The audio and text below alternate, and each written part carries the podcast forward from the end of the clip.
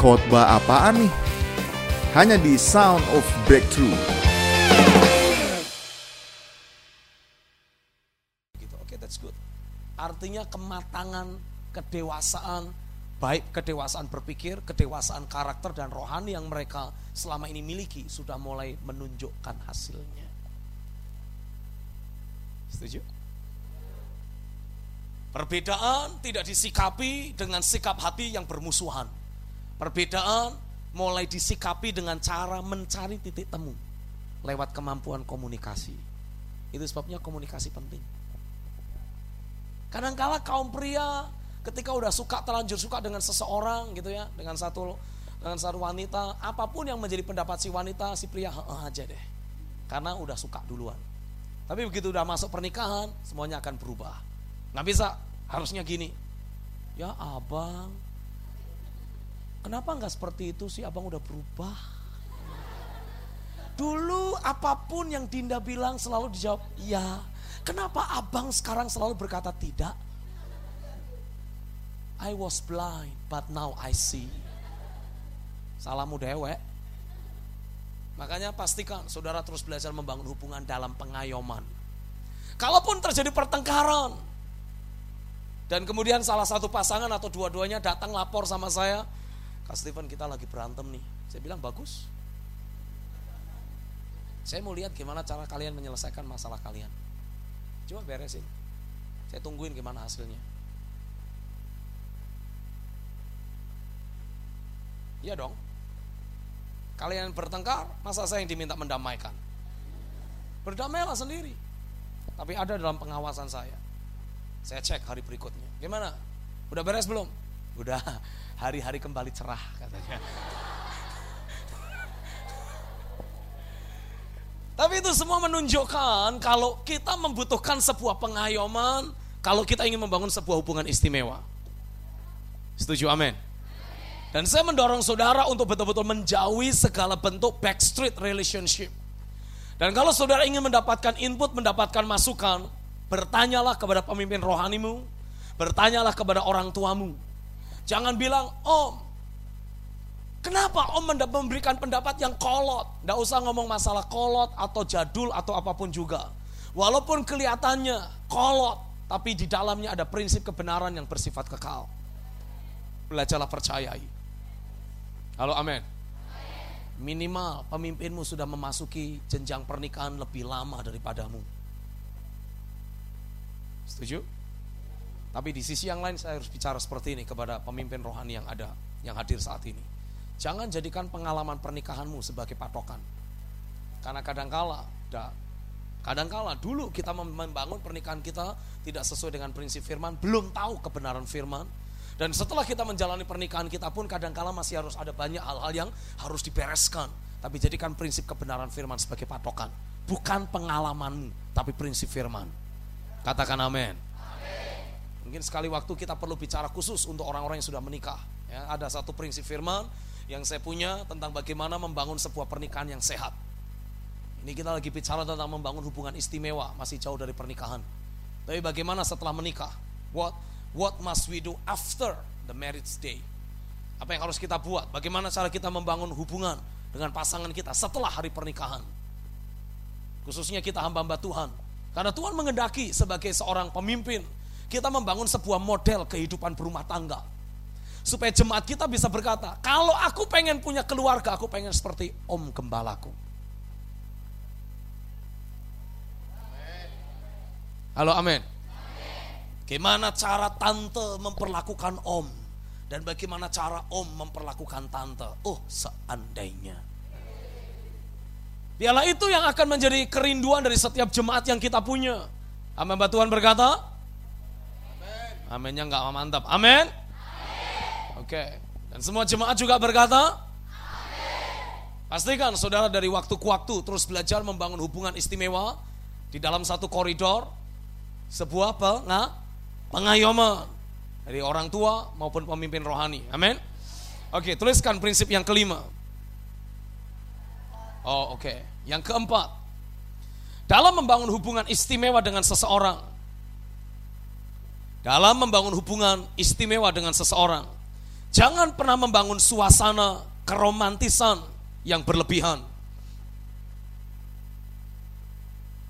Dalam membangun hubungan istimewa dengan seseorang, jangan pernah membangun suasana keromantisan yang berlebihan. Begitu orang tua sudah setuju, pemimpin rohani sudah setuju, ada sebuah komitmen yang saudara buat, ya. Pastikan dari sejak hari itu saudara terus belajar menjaga diri saudara. Katakan amin. Kalau saudara sudah mulai memiliki komitmen dengan seseorang, dalam cara saudara membangun hubungan istimewa, pastikan saudara sebisa mungkin jauhi kontak fisik. Sebisa mungkin jangan pernah membangun suasana romantis yang berlebihan. Yang dimaksud membangun suasana romantis berlebihan itu kira-kira gambarannya seperti ini. Saudara berkunjung ke rumah pasanganmu gitu kira-kira ya. Lalu kemudian awalnya karena masih ada si bapak di sana, duduknya jaraknya 10 meter. Begitu bapaknya capek, yang disuruh jaga adiknya mulai deket 3 meter. Adiknya kita kasih duit seluruh beli permen ke Medan Plaza, gitu ya. Sementara rumah kita di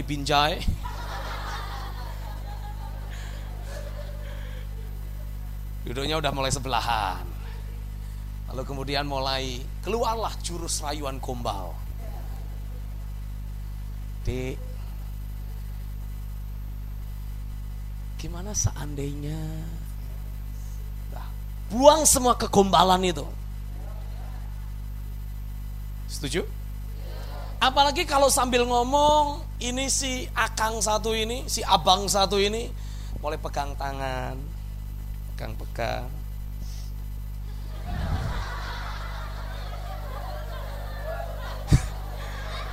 Kok bau bawang sih?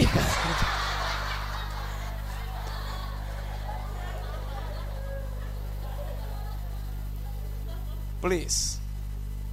Sebaiknya saudara harus langsung ambil tindakan tegas. Pria, saya mau tegaskan ini. Jangan pernah membangun keromantisan dengan berlebihan.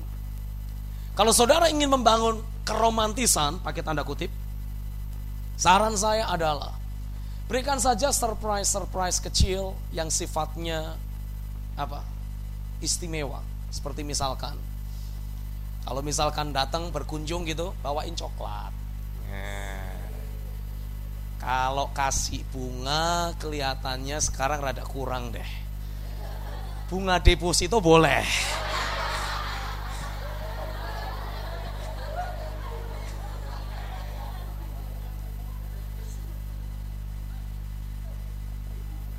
Apa yang dia sukai? Dia suka baca buku. Beliin satu buku yang berguna. Kasih. Setelah itu diskusi. Itu jauh lebih bagus daripada romantis-romantisan yang kayak di sinetron, yang gombal-gombal, yang ujung-ujungnya justru membuat kita jatuh dalam pencobaan. Katakan amin. Awalnya pegang tangan, nanti kemudian mulai dirangkul, Nanti kemudian mulai diusap-usap pakai kepala. Nanti kemudian mulai muncul permintaan, cium kening, cium kening, cium kening. Allah cuma cium kening sekali doang lah. Gak apa-apa kan, kalau kita pacaran masa pacaran nggak boleh nggak boleh cium kening sih, garing kan? Lebih baik garing daripada lu jatuh dalam dosa tahu.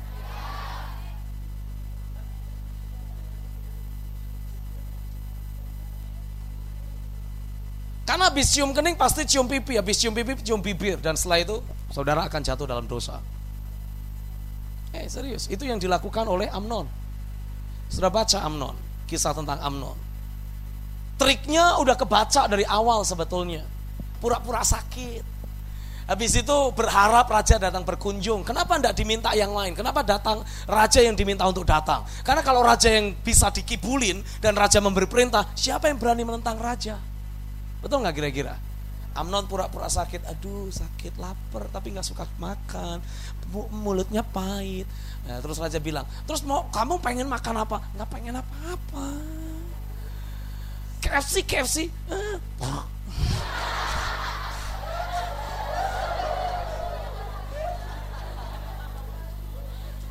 Terus apa? Terus apa? Nasi kotak. Alamak, masa nasi kotak sih raja? Ya kalau gitu makan apa? Biar makan dong, biar cepat sehat. Gini aja deh. Saya dengar Tamar suka masak, pintar masaknya. Suruhlah dia datang. Masak di sini, nanti saya makan dari dia. Ya sudahlah, Tamar disuruh datang. Tamar disuruh masak. Udah selesai masak, harusnya makan dong. Amnon sengaja nggak mau makan, nggak,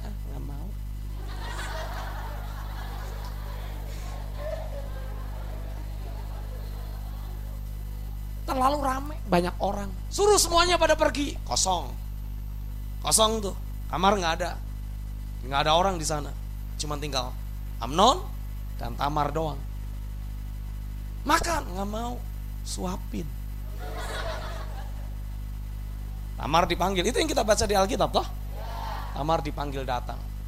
Habis datang, dipegang tangannya, diperkosalah dia. Saya mau tegaskan untuk saudara kaum wanita. Jangan biarkan keromantisan, suasana keromantisan membuat saudara jadi terhanyut dengan suasana dan emosi sampai saudara lupa dengan akal sehat saudara. Kita di Jakarta membuat ada cukup banyak seminar um, pendidikan seks di sekolah-sekolah, sex education. Dan ternyata setelah beberapa kali kita membuat sex education di beberapa sekolah, ada beberapa responden dari siswa-siswi yang ada yang telepon dan ini yang membuat saya terkejut. Walaupun sudah bukan berita baru, tapi tetap mengejutkan karena berinteraksi langsung. Anak SMP, pelajar wanita SMP, ada beberapa orang telepon dan bilang seperti ini. Apa yang seharusnya saya lakukan? Karena saya sudah tidak perawan lagi. Dan saya tidak kuasa menolak ajakan dari pacar saya. Setiap kali pacar saya mengajak saya melakukan hubungan badan, saya tidak bisa menolak apa yang harus saya buat. Pertanyaan saya, kenapa dia tidak berani menolak? Karena dia udah berpikir, dia sudah salah berpikir. Kalau aku tolak, aku akan kehilangan teman. Aku kehilangan pacar. Belum lagi kalau si pria gombalnya luar biasa. Ini bukti cinta kita. Goblok.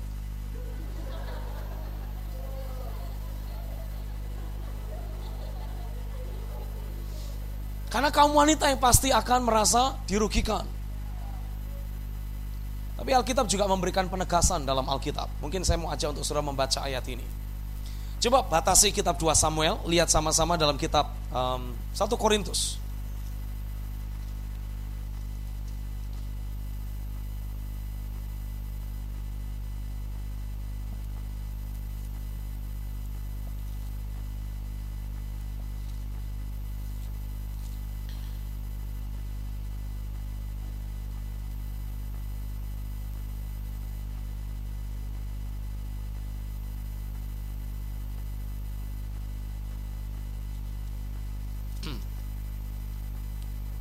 Saya akan cari terlebih dahulu ayatnya kelihatannya loncat ke mana nih.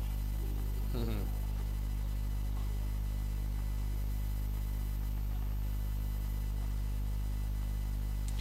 Oke, inilah dia.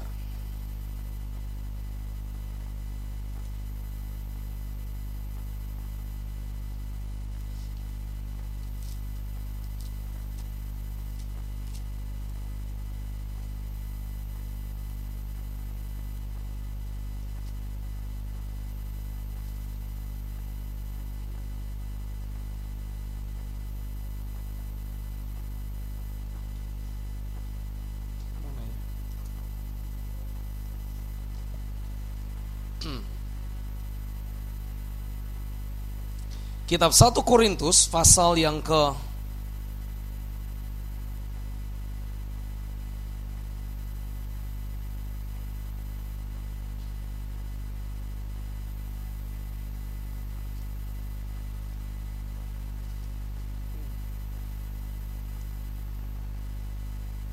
Satu Korintus pasal yang ke-6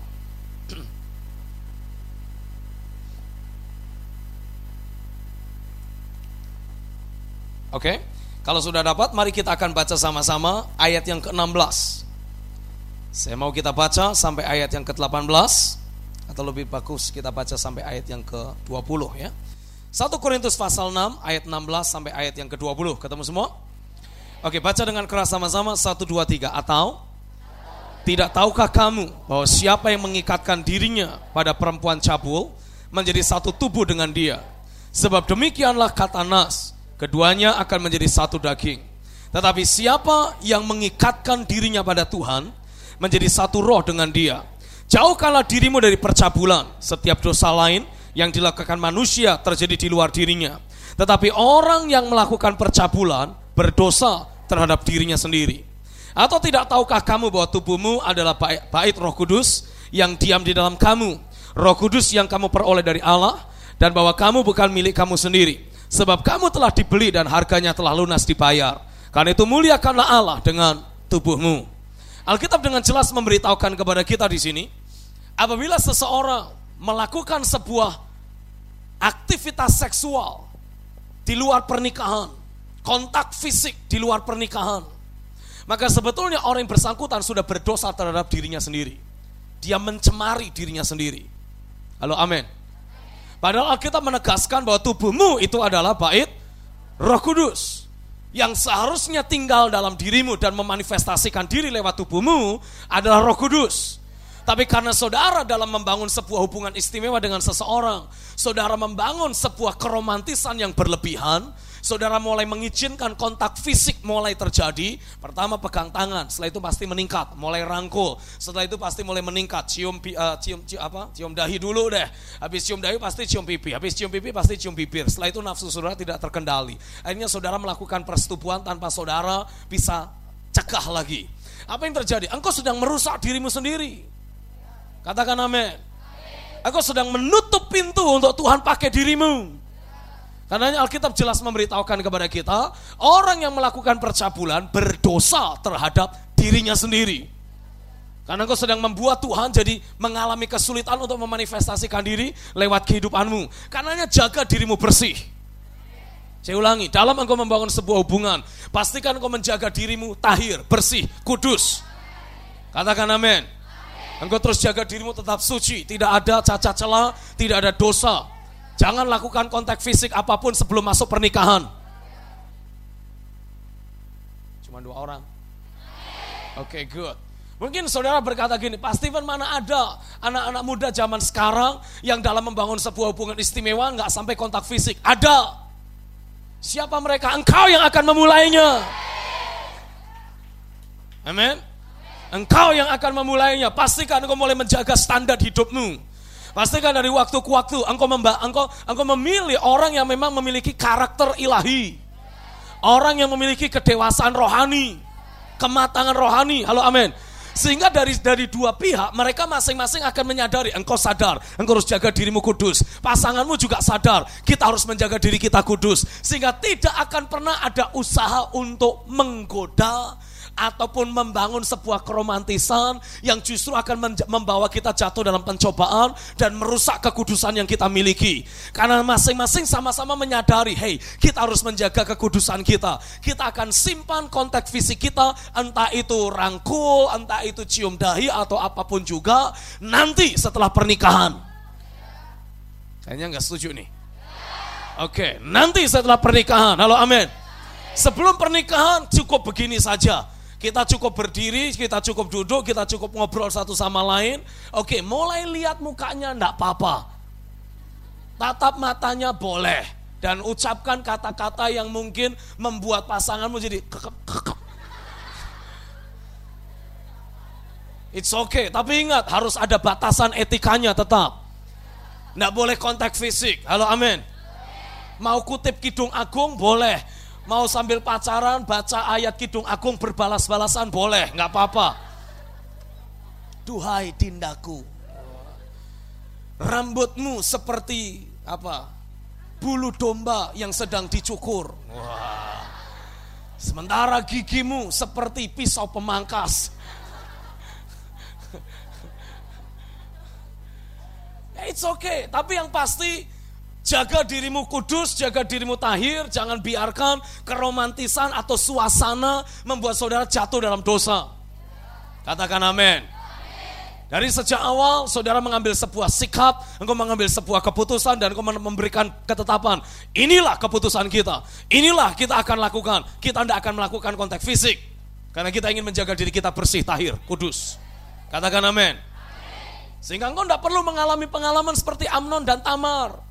Karena engkau terus menjaga dirimu bersih, engkau jaga dirimu kudus, engkau menjaga suasana tidak membuat saudara terjebak. Come on. Khususnya saya bicara untuk kaum wanita, karena kaum wanita biasanya paling mudah terjebak ketika suasana sudah terbangun.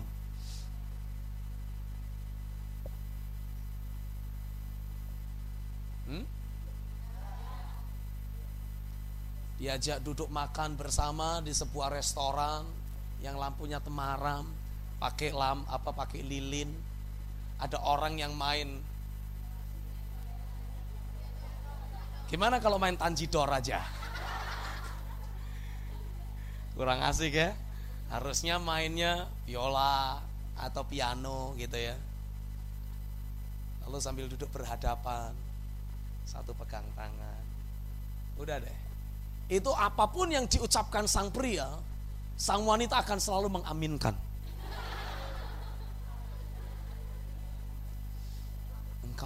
satu-satunya wanita. Amin. Dari antara kumpulan wanita-wanita di dunia, engkaulah yang teristimewa. Itu wanita udah langsung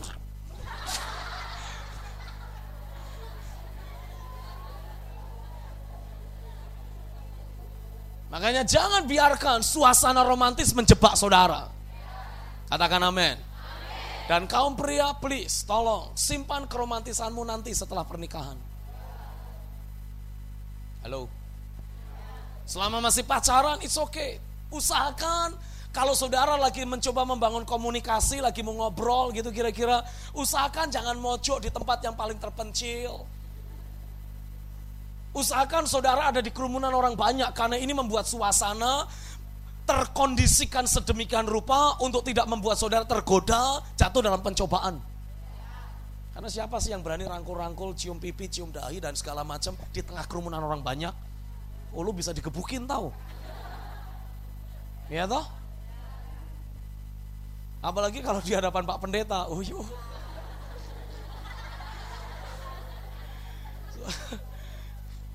Saudara akan dilayani bukan cuma dengan lima jawatan pelayanan aja. Bukan cuma cik, cik. Wah, pakai Alkitab, men. Wah,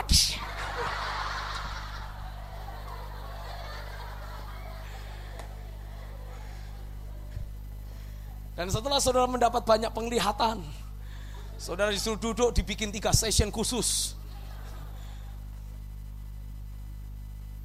Tapi kalau saudara sengaja mojok tempat remang-remang sendirian, eh nenek bilang itu berbahaya.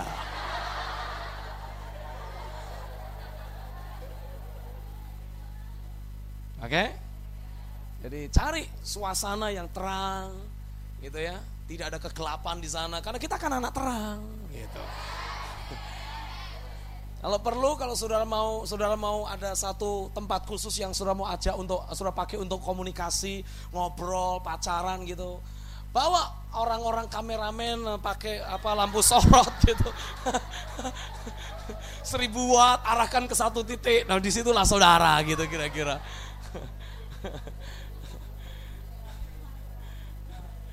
Poinnya adalah jangan biarkan suasana romantis menjebak dirimu sendiri.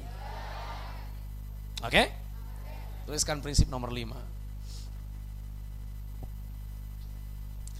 Terus dengar dan dan taati suara hati nuranimu dan bukan desakan nafsumu. Itu prinsip yang sudah harus perhatikan. Terus dengarkan dan taati suara hati nuranimu dan bukan desakan nafsumu. Kalau saudara tanpa sadar mengizinkan suasana mulai terbangun gitu kira-kira. Dan kemudian keromantisan menjadi semakin kental, lalu saudara mulai melakukan kontak fisik. Ini yang saya mau tegaskan untuk saudara. Percabulan dan perjinahan hanya akan menciptakan sensasi sesaat. Sensasi emosional sesaat. Tapi akan menyisakan penderitaan dan rasa bersalah seumur hidup. Jadi jauhi segala bentuk kontak fisik. Katakan amin. Jauhi segala bentuk kontak fisik. Mungkin ada yang tanya, e, Kak Steven gimana seandainya saya mau nyebrang jalan dan kemudian saya digandeng. Itu mah pertanyaan orang bego lagi. Semua dalam koridor yang dilarang, semua dalam koridor keromantisan. Kalau saudara sedang mencoba gandeng pasanganmu untuk nyebrang jalan yang sedang uh, penuh dengan apa namanya, penuh dengan mobil, kan saudara tidak kemudian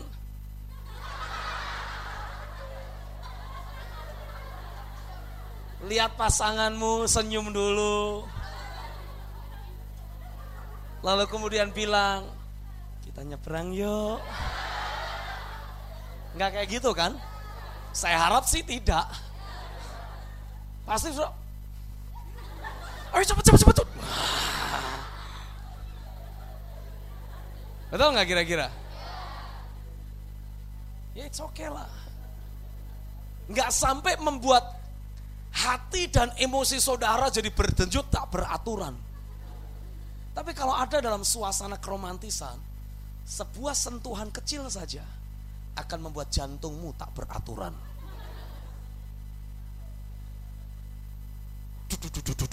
Gitu Tapi kalau lagi nyebrang jalan, saudara seret gitu aja, no problem.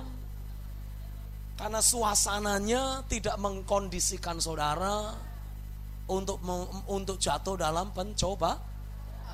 It's okay, nggak usah mengajukan pertanyaan-pertanyaan bego kayak gitu deh. Oke? Okay? Ingat batas koridornya. Jangan membangun suasana keromantisan yang berlebihan. Ingat itu baik-baik. Karena itu justru akan membuat kita jatuh dalam pencobaan.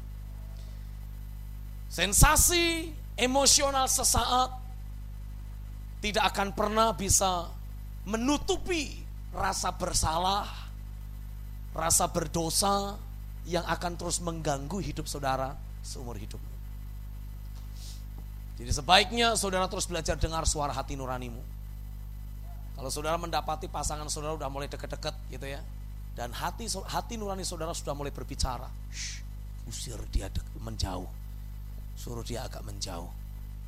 Sinyalnya sudah mulai berbunyi. Didit, didit, didit, didit, didit, gitu ya. Harus lebih menjauh lagi. Ngomong, jangan takut ngomong. Pak, agak jauhan dikit lah. Kenapa sih kamu ini? Ingat apa yang disampaikan Pak Stephen